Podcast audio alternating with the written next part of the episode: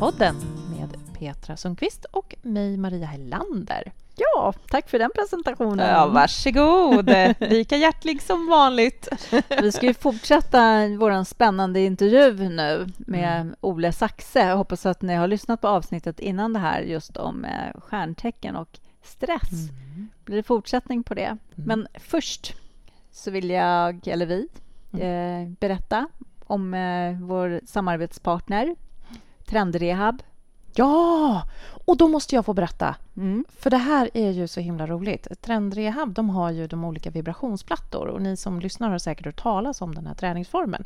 Att man kan stå på en vibrationsplatta och göra övningar eh, eller bara slappna av på olika sätt för att det är så otroligt välgörande för kroppen. Och jag har ju haft ont i mitt knä så länge. Jag opererade för tre år sedan och det vill liksom inte riktigt läka. Så jag har inte kunnat springa och träna på det sättet som jag önskat tidigare. Men det här, den här plattan har gjort under för mitt knä. Mm. Helt plötsligt så blir det blir smärtstillande eh, på ett helt, sätt, ett helt nytt sätt. Och jag tror också, i och med att det är så bra för lymfsystemet, så har ju svullnaden gått ner i knät. Ja, precis. Och jag får träning. Mm. Så just de här plattorna är ju bra för när du har värk i kroppen, om du har fibromyalgi eller reumatisk värk eller liknande att du kan få träning utan att, ja. utan att belasta för hårt. Ja. Mm. Det, finns ju många, det finns ju flera olika program på de där plattorna. Mm. Och, eh, ett program är ju verkligen supermagiskt på den här 3D-plattan för lymfsystemet och sen så finns det ju program för ren träning också som drar igång muskler och kondition också, för du kan ju sätta på på hög så att du får lite hjärtökning. Och det spännande är att det också finns program som gör att du, att du sänker stressen. Mm, det är ju det för lymf, ähm, lymfprogram. Precis. Lymfprogrammet, ja. Precis, ja. Och då sänker det kortisolet. Ja, exakt. Mm. Ja. Så för ut, om du är utmattad eller just vet med dig att du har hög ångest, stress, mm. oro i kroppen så det är ett fantastiskt redskap det här. Det finns ju olika plattor. Mm. 3D och 4D eh, och sen finns det en liten platta. Och den här 4D den är väl eh, magisk om man verkligen köper en platta just för att eh, träna, om det är det som är hela fokuset. För att den är ju mycket bättre med träningsprogram på.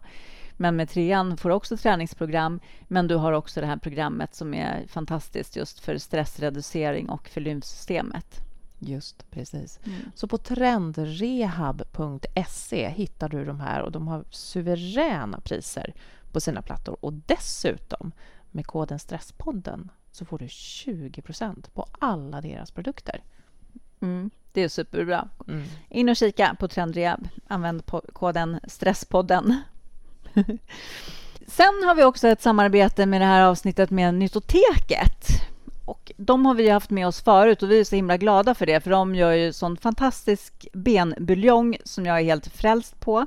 Och också har de ju det bästa, renaste kollagenet för den som inte vill dricka buljong. Vi har ju på vår Facebook ett benbuljongstest med deras olika eh, buljongsorter, smaker. Mm. Så gå in och kolla på det ifall du är nyfiken. Men både deras kollagen och deras benbuljong är ju gjorda av svenska gräsbetande djur som har det bra. Inga antibiotika och skit, utan det här är verkligen helt rena produkter. Mm. Kollagen är ju superviktigt. Mm. Det är ju det som bygger upp eh, hår, hud, naglar. Det är jätteviktigt för leder och brosk i kroppen. Så att det, det är verkligen livsviktigt. Mm. Men det har också en annan helt fantastisk läkande funktion. Ifall du har en tarm som läcker, en mage som inte mår bra, så gör det underverk med att faktiskt dricka benbuljongen eller kollagenet om du inte gillar att dricka buljong eh, för att just läka din tarm. Mm. Det är gelatinet i det här, i buljongen eller kollagenet som verkligen blir som att det spacklar igen. Precis, och mm. idag får vi ju inte i oss lika mycket som vi fick för kanske hundra år sedan när vi åt mer mat som innehöll kollagen. Benbuljong exempelvis. Ja, eller vi, kokade, vi kokade ju allt. Alltså, mm. så man slängde ner en gryta med, med märgben och leder och allting. Tillagade hela kycklingar eller vad det nu var. Mm. Idag äter vi ju bara typ filéerna, mm. de flesta. Ja.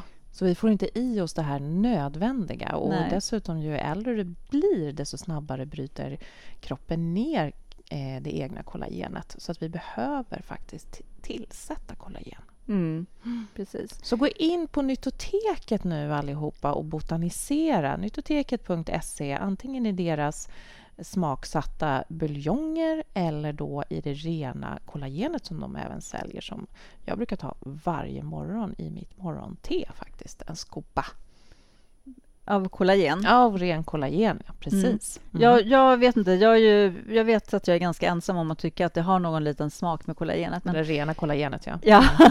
men däremot jag, så älskar jag buljongen, så att, eh, jag tar ju mig en kopp buljong varje dag däremot. Mm. mm.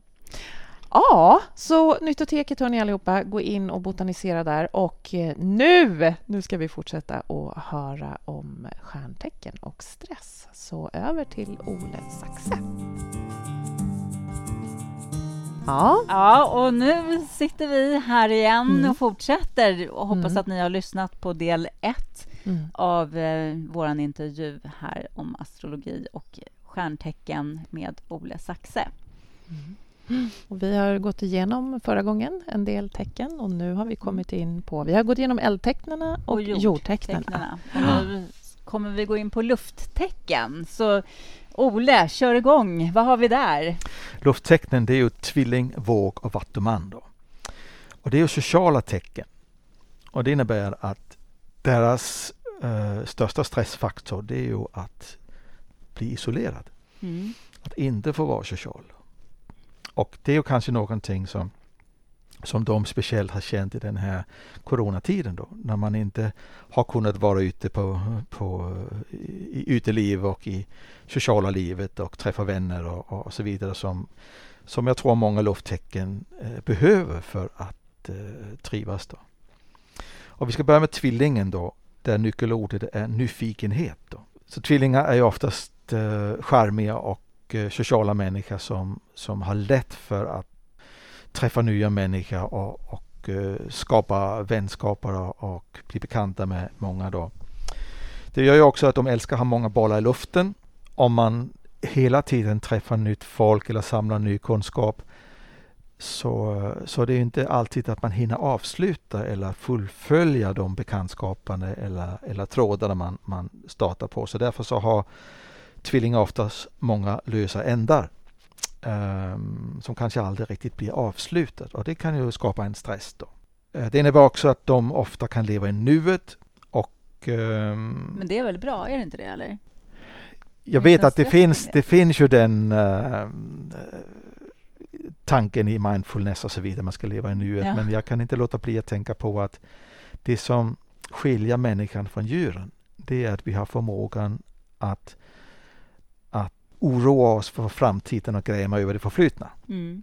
Och det, det, är det man tycker att man ska slippa i, i, genom att leva i nuet. Mm. Men det är bra att man kan lära sig av sina misstag i det förflutna. Och det är också bra att vi kan lära oss att planera framtiden. Mm. Det är det som gör oss till människor. Mm.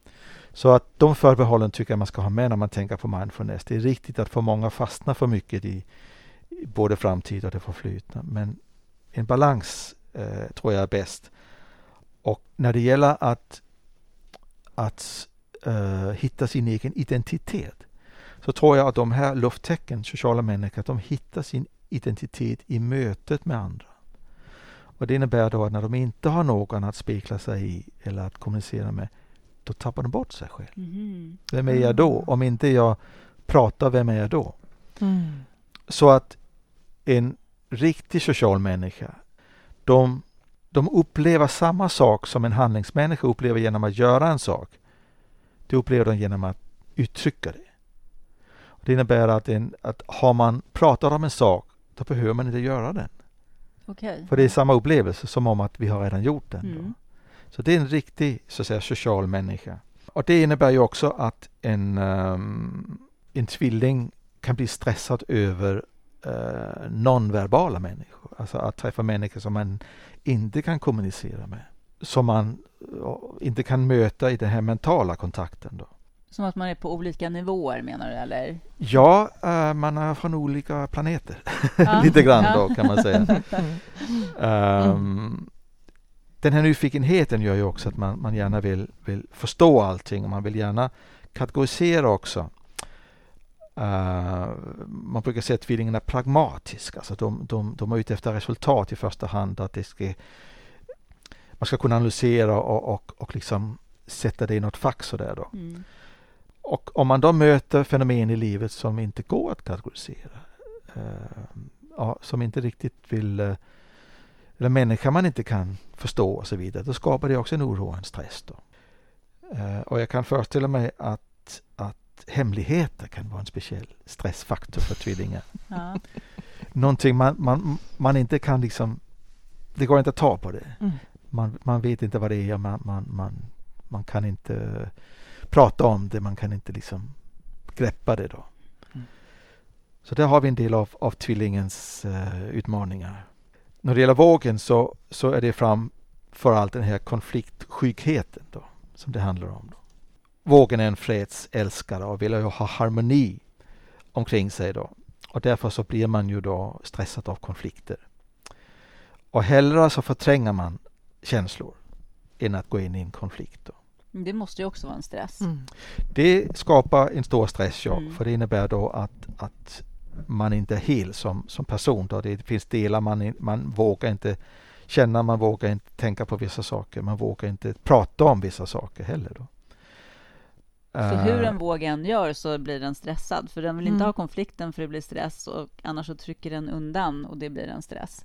Om inte den lyckas skapa fred då. För ja. det, det, det är där den har sin styrka, ja. det är fredsmätlarskapet, att ja. de, de, de, kan liksom bygga broar och skapa sämja mellan mm. människor och då försvinner stressen då också mm. av det. Uh, men däremot så blir man väldigt stressad av ovilja, det vill säga om de träffar någon människa som inte vill man inte kan nå eller bygga bro till, inte kan skapa fred med, då, då finns det ju en, en gnagande oro eller, eller stress omkring det. Då. Mm. En annan sak som kan hända i en våg, det är det här med på ena sidan och andra sidan. Aftonbladet och Expressen. Alltså mm. att man är väldigt bra på att se saker från båda sidor, från alla håll. Då. Men då är frågan, vad tycker du egentligen? Ja, men på ena sidan tycker jag så mm. och på mm. andra, ja men vem är du? Ja, mm, ja alltså, ja. då blir man ju liksom uh, mesig uh, eller otydlig. Och i sin konsekvens så, så blir man ju osynlig till och med. Mm. Alltså att om ingen vet vad man står för, vem är man då? Och då, då kan ju en del uh, vågar uh, kompensera detta genom att skapa vackra omgivningar som är harmoniska och njutbara. Då. Uh, en våg är oftast en väldigt bra värdinna till exempel och som kan liksom se till att det skapas en väldigt vacker atmosfär som alla mm. känner sig hemma och trivs i. Då. Mm. Men om det här då blir en kompensation som blir viktigare än det inre, då blir man ju också väldigt stressad om någon stör den vackra omgivningen. Mm. Alltså om man bygger upp hela sin trygghet på att allting ska vara uh, vackert, då kanske också man, man uh, där hittar en partner som är stökig eller som, som, uh, som tar in en, en, en, en, motor mitt på matbordet och ska börja mecka eller någonting sånt där. Då, då blir det konflikter då. Mm. Så förfulning av det yttre kan ju vara någonting som skapar stress då. Mm. Också för att det påminner om den, det stöket som finns där inne som man inte vågar ta tag i. Då. Just Okej, okay. sen har vi Vattumannen då. Och det är framförallt en sån här frihetskämpe då. Vattumannen är ju en uh, revoltör som uh, gör revolt mot bakåtsträvare och konventioner. De vill ju gärna vara i frontlinjen med reformer och eh, förändra samhället framåt, hitta alternativa lösningar. Och det, det innebär också att det, eh, det kommer ett, ett, ett, ett uh, intressant fenomen med många vattuman. Min, min morbror som var astrolog, han var vattuman då. Och det intressanta med honom var att han var en kverulant. Så han skapade alltid problem omkring sig för han skulle alltid säga tvärtom vad andra människor skulle göra då. Och det var ingenstans där han var väl eh, mött. Han var runt i olika föreningar i Köpenhamn där han bodde och oj nej, nu kommer han igen och så vidare. Utan ett ställe. Och det var en, en eh, jag tror det var en muslimsk församling. För arabkulturen, de har en annan tradition, nämligen den tycker om en bra diskussion. Och det här med att man automatiskt tar motsatt ståndpunkt i en diskussion. Det är viktigare att man får en bra diskussion än vad man diskuterar Mm. i den kultur och traditionen så att säga. Och det innebär att när han kom dit och började kverulera, då älskar de honom. Ja. För att han, de, han, de skapar alltid intressanta och spännande eh, livade diskussioner. Då. Mm. Och det innebär då att en, en vattuman, han behöver motstånd. Han behöver ju någon som han kan revoltera emot. Mm. Så han blir ju stressad när han inte har motstånd. Då. Mm. Om alla bara säger ja och tycker med honom, då, då förlorar han ju sin kraft. Så det är ju intressant. Så en vattenman och en våg tillsammans kan bli då, Ja, ehm, intressant det kan bli intressant. Ja, egentligen så man säger att, att tecknen i samma element de passar Mm. bra ihop, brukar man säga. Det handlar ju om att här har vi två verbala tecken som borde kunna prata om saker med varandra. Men det är riktigt att om inte han får motstånd eh, av en vattuman, då kan det bli problem där. Mm. Och sen en annan sak det är då att vattumannen, han vill alltid förnya och förändra. Och det är ju också en, en stress om man till exempel ska göra ett projekt tillsammans med någon annan. Och man kommer fram till, ja nu är det klart, nu har vi ett resultat, nu har vi en form här. Men då börjar oron komma i vattumannen för att han är ju alltid nöjd om man inte får hela tiden förändra och förnya. Då. Och då kan det bli en konflikt där då och en stress om det är så att den ena säger nej, nu räcker det, vi tar det här som resultat. Sen, nej men det finns en sak vi ska förändra igen då. Om det är ett långtidigt projekt så hinner man ju få många nya idéer undervägs då. Mm. och då kan det ju skapa problem. Då. Ja. Sen en sista sak om vattumannen, det är den här distansen man har omkring sig. Man har en stark känsla av integritet, att man vill inte släppa in någon känslomässigt nära livet. Så därför så behöver man ju då hålla distans. Då. Mm. Uh, och det är den här frihetskänslan då. Man vill inte ha någon som, som trampar på ens revir eller ens Nej. område. Och därför så gör, då blir det en speciell stress om man träffar på människor som tar ens revir. Det finns sådana människor, ni känner till dem, som alltid ställer sig precis framför en och pratar med en. Mm. Som, som går in i ens, ens revir Mm. så att säga. Ja. Och det klarar inte en vattuman. Då Nej. kommer det en väldig stress och oro. Då. Mm. Lätt att känna sig kvävd. Ja. Ja, men då Mm. har vi, eh, då har vi vattentecknen kvar då. Och det är kräfta, skorpion och fisk. Det är känsliga tecken som då blir stressade av press och oro. Så att man kan säga att vattentecknen är egentligen de som mest är känsliga för det vi vanligt förknippar med stress. Då. Kräftande har ju oftast den här eh, offertendensen. Då. Man har ju en stark empatisk sida och det är där att känsligheten kommer för att man uppoffrar sig lätt till exempel för sin familj eller i något tjänande yrke, vårdyrken eller någonting sånt där. Eh, och det innebär då att man, man tar på sig ansvaret för andras liv och problem. Och då kan man då glömma sina egna behov och gränser och då kommer utbrändheten. Då. Alltså när man, för att kunna hjälpa andra, då måste man ju ladda upp sina egna batterier. Man måste ha överskott man kan ge utav. Mm. Och det är Mm. någonting som man som kräfta oftast glömmer i farten då. Och därför så går man över sina gränser. Problemet det blir ju då när man upptäcker det för sent. Och det är där att offerkänslan kommer då. Att nu har jag, nu har jag gjort allt det här för er hela livet och då, då eh, får jag ingen tacksamhet eller vad det är för Mm, någonting. ja. Då kommer ju offerkänslan då. Och sen finns tendensen ofta där också att man vill hitta syndabockar då.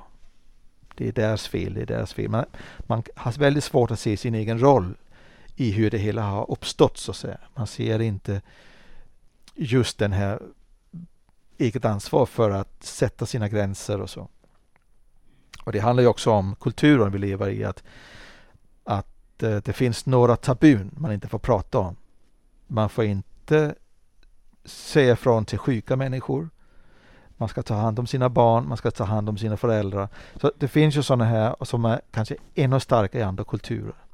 Till exempel Kina då, Indien och så vidare. Det finns många kulturer där det är barnens uppgift att ta hand om de gamla när de, när de, när de blir sjuka. Då. Mm. Så att jag har hört berättelser om, om hur föräldrar när de är 50 år, då tycker de, ja nu har jag gjort mitt, nu ska ni ta hand om mig. Mm. Och då kan det vara att barnen ska flytta hem till dem. och göra allting för dem, även om de varken är gamla eller sjuka egentligen. Men de har bestämt sig för att nu, nu jag har tagit hand om er när ni var små, nu ska ni ta hand om mig. Ja. Och om man då har det invävt i kulturen så starkt, ja, men då kan man inte ta sig ur den offerrollen som till exempel ett barn som ska ta hand om sina gamla föräldrar. Då. Mm. Så där finns eh, en stor stressfaktor just för, för kräftor. Då.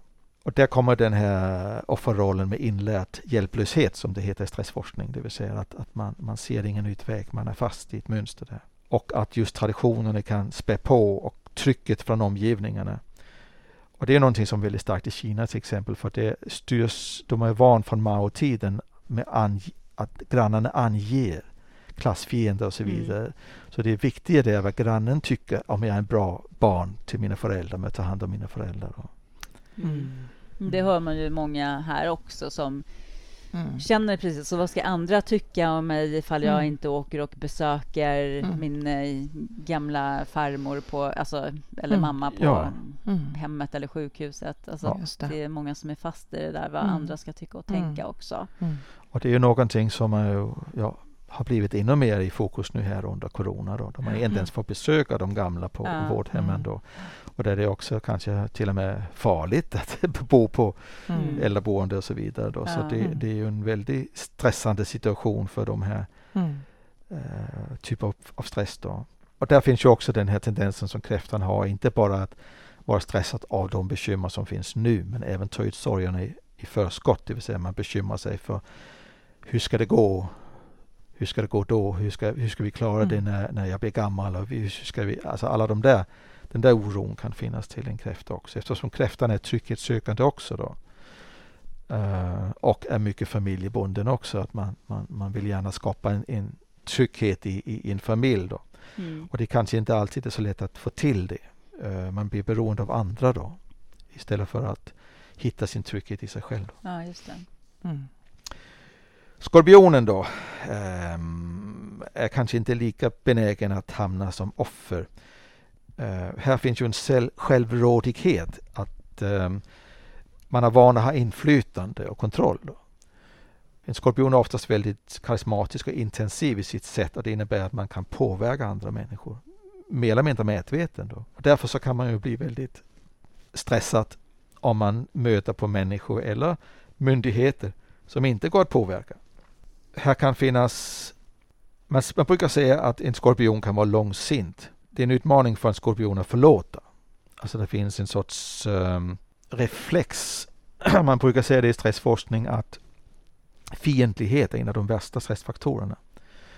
Till exempel när det gäller hjärtpatienter så har man sett gemen, gemensamma nämnare i deras beteende då, i den här typen av beteende att, att de har en, en reflex för att se en ny människa som en, en rival i första hand istället för som en vän eller kollega. Då. Och det kallar man för en inlärd fientlighet kan man säga. Och om en skorpion inte har, har jobbat med den här biten i sig själv, då har man den reflexen i sig också som då kan skapa konflikter och maktkamper. Och om man om man har den känslan av att det är någon som vill mig illa, då försvarar man sig genom gadden, skorpionen. Skatt, det vill säga man går ut väldigt starkt med sin, med sin intensivitet. Då. Och då kan man skrämmas. Då. Många skorpioner är inte medvetna om vilken stark utstrålning de har. Då. Och det innebär då att de skapar försvarsreaktioner i sina uh, motparter. Då. Och då kommer det en spänning och en, en stress utav det då. De skapar nya konflikter. Man blir som skorpion oftast väldigt stressad av, eh, av andras inkompetens. Då. Till exempel myndigheters, byråkraters inkompetens. Man kan gå i taket utav, utav sådana saker. Då.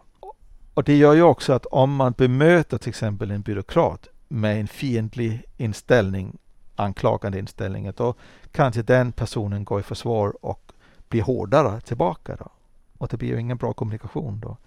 Så att om man lär sig istället att se dessa människor som personer som är till för att hjälpa mig, då kan man vända den här, den där, den här um, tendensen. Då. Så, så det som är svårast för en skorpion, det är liksom de här ansiktslösa formaliteterna. Alltså, man, kan inte, man får inget liksom, motstånd, man, det är lite grann som Vattumannen, men uh, man tar hela en öppen konflikt då, än att kämpa mot någonting där man inte har ha någon konkret motståndare kan man säga. Mm. Lite acceptans till eh, skorpionerna där då, eller? Mm. Som utmaning Eh, ja, kring vad som går att påverka och inte. Jag tror mer det handlar om att, att eh, det här med den försonande attityden, alltså lära sig eh, att släppa den här fientlighetsreflexen. Mm. Att utgå ifrån att, att det finns en välvilja i universum. Det är det som är Mm. det viktiga då. Mm. Och hos andra människor, även myndigheter. Ja. Mm. Försäkringskassan vill dig gott. Ja, precis. Mm. Mm. Ja. Jo, men det är intressant. Jag har en syster som är skorpion och hon har alltid haft väldigt lätt vid att bli mycket arg på myndigheter. Men, men hon har lärt sig.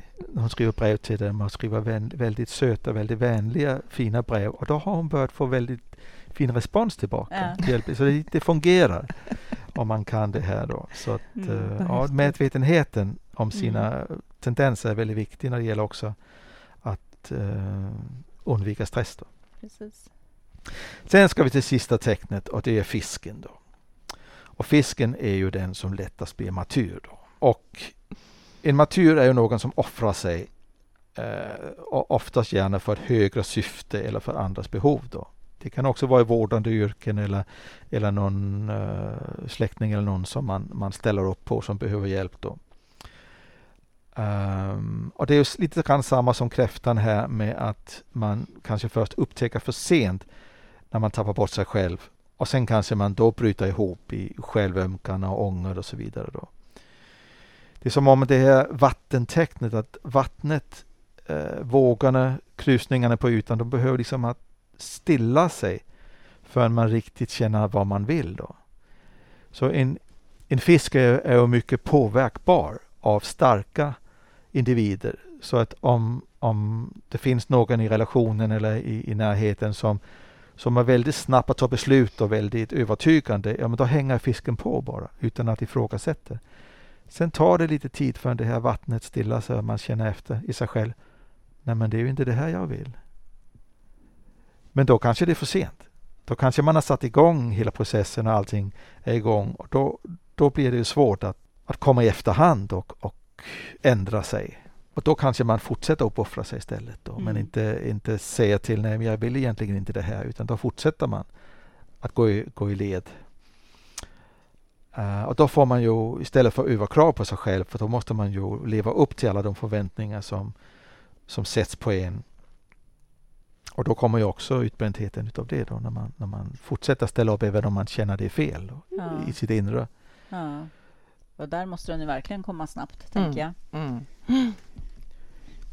Verkligen gå in. Fisken behöver ju en känsla, det gör vi alla egentligen, men speciellt för fisken en känsla av en större mening. Eh, det vill säga att man har ett sorts kall, att det finns en, en eh, djupare, kanske andlig mening. Har man rätt stöd och, och, och hjälp, alltså en, en, en fisk kommunicerar känslomässigt, behöver en människa som man känner sig trygg med och som man har ett, ett förtroende med, man kan dela känslor med. Och det kan vara hjärteväninnor eller eh, bästisar eller det kan vara en terapeut eller en coach eller någon som, som man har bra förtroende för. Så att, så att ofta så är ju eh, en fisk eh, intresserad av känslor och vill gärna förstå och jobba med, med sig själv. Då. Och det är också då en väg ur, ur stressen då. Men de som kanske inte hittar den vägen, de kan tendera till verklighetsflykt istället. Då. Och verklighetsflykt kan vara bra. Det kan ju vara att titta på film eller att eh, göra kreativt arbete. Många fiskar har ju ah, konstnärliga förmågor. Eh, men det finns ju också risken för att fly in i alkohol eller droger eller annat. Då. Mm. Så det brukar också vara en, en sida av fisken som, som man varnar lite för. Då. Men om man kan bottna, man kan säga fisken har ju en direkt länk till universums centrum, om man säger så. Alltså det finns ju en intuitiv meditativ sida i fiskens natur som gör att när de söker sitt innerste så har de en direkt kontakt. Så, så att det är någonting som kan motverka all stress, så att säga, om man hittar lugnet i sig själv den vägen. Då. Mm. Mm. Så ser det ut vad jag kan uh, komma på just nu om ja, de här olika tecknens otroligt uh, intressant. stress. Mm. Jag, alltså, jag har ju, vi har ju båda känt det förut, men också nu när man lyssnar på det så blir det på något sätt så tydligt att alltså, var nyfiken och mm. gör ett personligt eh, horoskop kan jag känna. För att mm. det kan verkligen, alltså speciellt ifall man känner utmaningar. Lyssnar man på Stresspodden så har man väl förmodligen utmaningar med stress. För att det här kan ju mm. verkligen vara en ingång till att börja ta reda på vad det är som gör. Mm. Och, och, kanske har blockeringar och så vidare mm. från andra. Det går ju konkret att göra någonting åt. Och också ett fantastiskt verktyg att medvetandegöra Precis. saker och ting för att sen kunna gå vidare och liksom ta hand om sig själv och vad behöver jag mm. för att vara på rätt väg och vara mm. mer i mm. mig själv. Och jobba med de här utmaningarna som kommer i min Precis. väg för att ja. kunna må bättre och utvecklas som ja. person. Mm. Så himla intressant. Mm. Ja. Ja, men ifall eh, om nu de som lyssnar skulle vilja beställa ett eh, personligt horoskop av dig för du, alltså det fantastiska med dig, du går ju verkligen så på djupet. Alltså så här, mm. Det är ju så coolt. Mm. Hur gör man då? Hur får man kontakt med dig? Ja, det enklaste är att man skickar en mail. Då. Mm. Och um, Det man behöver för ett horoskop det är ju ens födelsedatum och år, tidspunkt på dygnet. Då. Mm. Uh, och platsen man föddes på. Då. Mm. Det är inte alla som känner till vilken tidpunkt man föddes på, men det finns bevarat. Om det fanns en barnmorska med vid förlossningen så finns det ett barnmorskeprotokoll.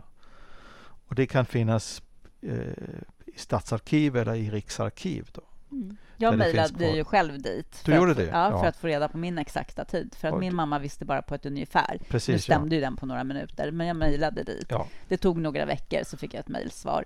Så det kan man ju alltid göra. Precis, ja. Mm. mm. För då får man den exakta positionen av hur allting eh, stod på mm. himlen när man föddes. Då. Mm. mm. Mm. Jätteintressant. Ja. Och då så kan man gå, man hittar dina kontaktuppgifter på din hemsida. Ja. Um, jag kom hem från Hawaii. Uh, jag hade varit på semester där för en del år sedan och där så så blev jag inspirerad av den här gudinnan Haumea, eh, hawaiianska gudinnan då. Mm. Eh, som också gav namn till en av de första dvärgplaneterna som man upptäckte då. Och så lät jag mig inspireras till, att, till namnet på hemsidan, så den heter haumea.se. Mm. För det är också någonting som jag, som jag håller på att utforska just nu. Det är de här nya dvärgplaneternas betydelse i karaktärshoroskopet. Ja. Eh, så därför tar jag med lite grann av det om det finns någon av dem som står starkt i, i horoskopet. Då. Mm. Det är fortfarande någonting som vi håller på att uh, lära oss vad de betyder. För det är ju mm. ganska nytt så att säga, men det är spännande. Mm. Mm. Bara det är ju intressant hur mycket som finns där mm. ute som vi ännu inte vet någonting om. Mm. Ja, och det är också ett annat fenomen som är intressant i astrologin. Det är att varje ny himlakropp som man upptäcker, den upptäcks när det är dags. Mm. Det vill säga dels när den är synkroniserad med de teman som finns i världen. Så just alla de här nya gudanamnen som de här dvärgplaneterna har, de, de härstammar ifrån kulturer som har en väldig respekt för naturen. Mm. Mm. Uh, indiankulturer, inuitkulturer, påskön, uh, haumera och så vidare. Det som är gemensamt för den här tiden, det är miljöperspektiven. Mm. Och står en sån planet starkt i vårt horoskop, då kanske vi har ett speciellt engagemang för, för de frågorna. Mm. Mm. Uh, men alltså mm. på min hemsida så kan man se de olika sorts horoskop som jag erbjuder då. Mm. Dels karaktärshoroskop och årshoroskop. Det finns lite ja, relationshoroskop också om man vill ha titta på hur två personer passar ihop då, eller vilka utmaningar man har tillsammans. Då. Ja. Mm. Men där måste båda vilja ha det. Såklart. För jag vill mm. inte att horoskopet ska vara någonting man går och slår varandra i huvudet med. så, Nej. Eh, men mm. det är mm. väldigt intressant. Mm. Det lär man sig mycket av tycker jag. Um, sen ja. har jag då ett, ett horoskop som jag kallar för astrohealing. Och det, det handlar ju om de mer djupa perspektiven kan man säga. Uh, jag har ju själv med Eh, reinkarnationsperspektivet i min egen livsåskådning. Det är ingenting man måste tro på för att få utbytet av astrologin. Men det intressanta är ju att när vi föds här på jorden, då har vi redan ett horoskop. Det vill säga vi har redan en komplex symbolik eh, av personligheten. Då. Och då kan man fråga sig var kommer den ifrån? Mm. Och som jag ser det, då kommer den ifrån egenskaper och vanor som vi har byggt upp i många tidigare liv. Då. Det vill säga att vi ser egentligen så är horoskopen en sorts koncentrat på allt vi har varit med om hittills. Och också vad ska vi ta hand om i det här livet? Vad är det vi har mm. kommit hit för att göra? Mm. Och där finns då i det här healing, astrohealing horoskopet så, så tar vi lite djupdykning ner och ser vad finns det för mening med de utmaningar jag går igenom då. Mm, det är inte så, jag ställer inte fysiska diagnoser och säger mm. du har den och den sjukdomen, men mm. jag tittar närmare på vad är det för tema som ligger bakom de återkommande utmaningarna i livet. Och det kan ju bland annat vara hälsoproblem eller annat mm. sådant. Så att det finns en mening bakom. Det är det som är filosofin i astrologin. Det är ju liksom att, att vi är i synkronitet med universum. För mig är det inte så konstigt för att jag ser hela universum som ett levande väsen. Till exempel jordklotet är ett levande väsen, solsystemet är ett levande väsen. Och då är vi ju bara små celler eller små molekyler i deras organism, de här himlakropparna. Och det är inte så konstigt att vi är beroende av våra makroväsen, så att säga. Precis som en liten cell i mig. Den är 100% beroende av vad jag gör, ja. hur jag mm. äter, hur jag lever. Mm. Så då finns en synkronitet i universum, mm. mm. levande universum. Mm. Så det är så jag ser astrologin. Då. Precis, det är en fin tanke. Jättefin tanke. Mm. Hittar man inte Ola nu på hemsida mm. och sånt så är det ju bara att kontakta oss på Stresspodden såklart så ska vi hänvisa vidare kontakterna. Precis, och vi lägger ut länkar. Stresspodden.nu. Mm. Vi kommer lägga ut länken både på vår Facebook och eh, Instagram mm. För den som är intresserad. Mm. Ja. Tack för att ni har varit med och lyssnat och varmt tack till dig Olle som har tagit dig tid till att eh, berätta om allt det här. Det mm. har varit verkligen givande, jättespännande. Ja, tack till er för att ni kommer hit Tusen och tack. vill lyssna. Ja, mm. tack. Tack, tack. Då. Hej då.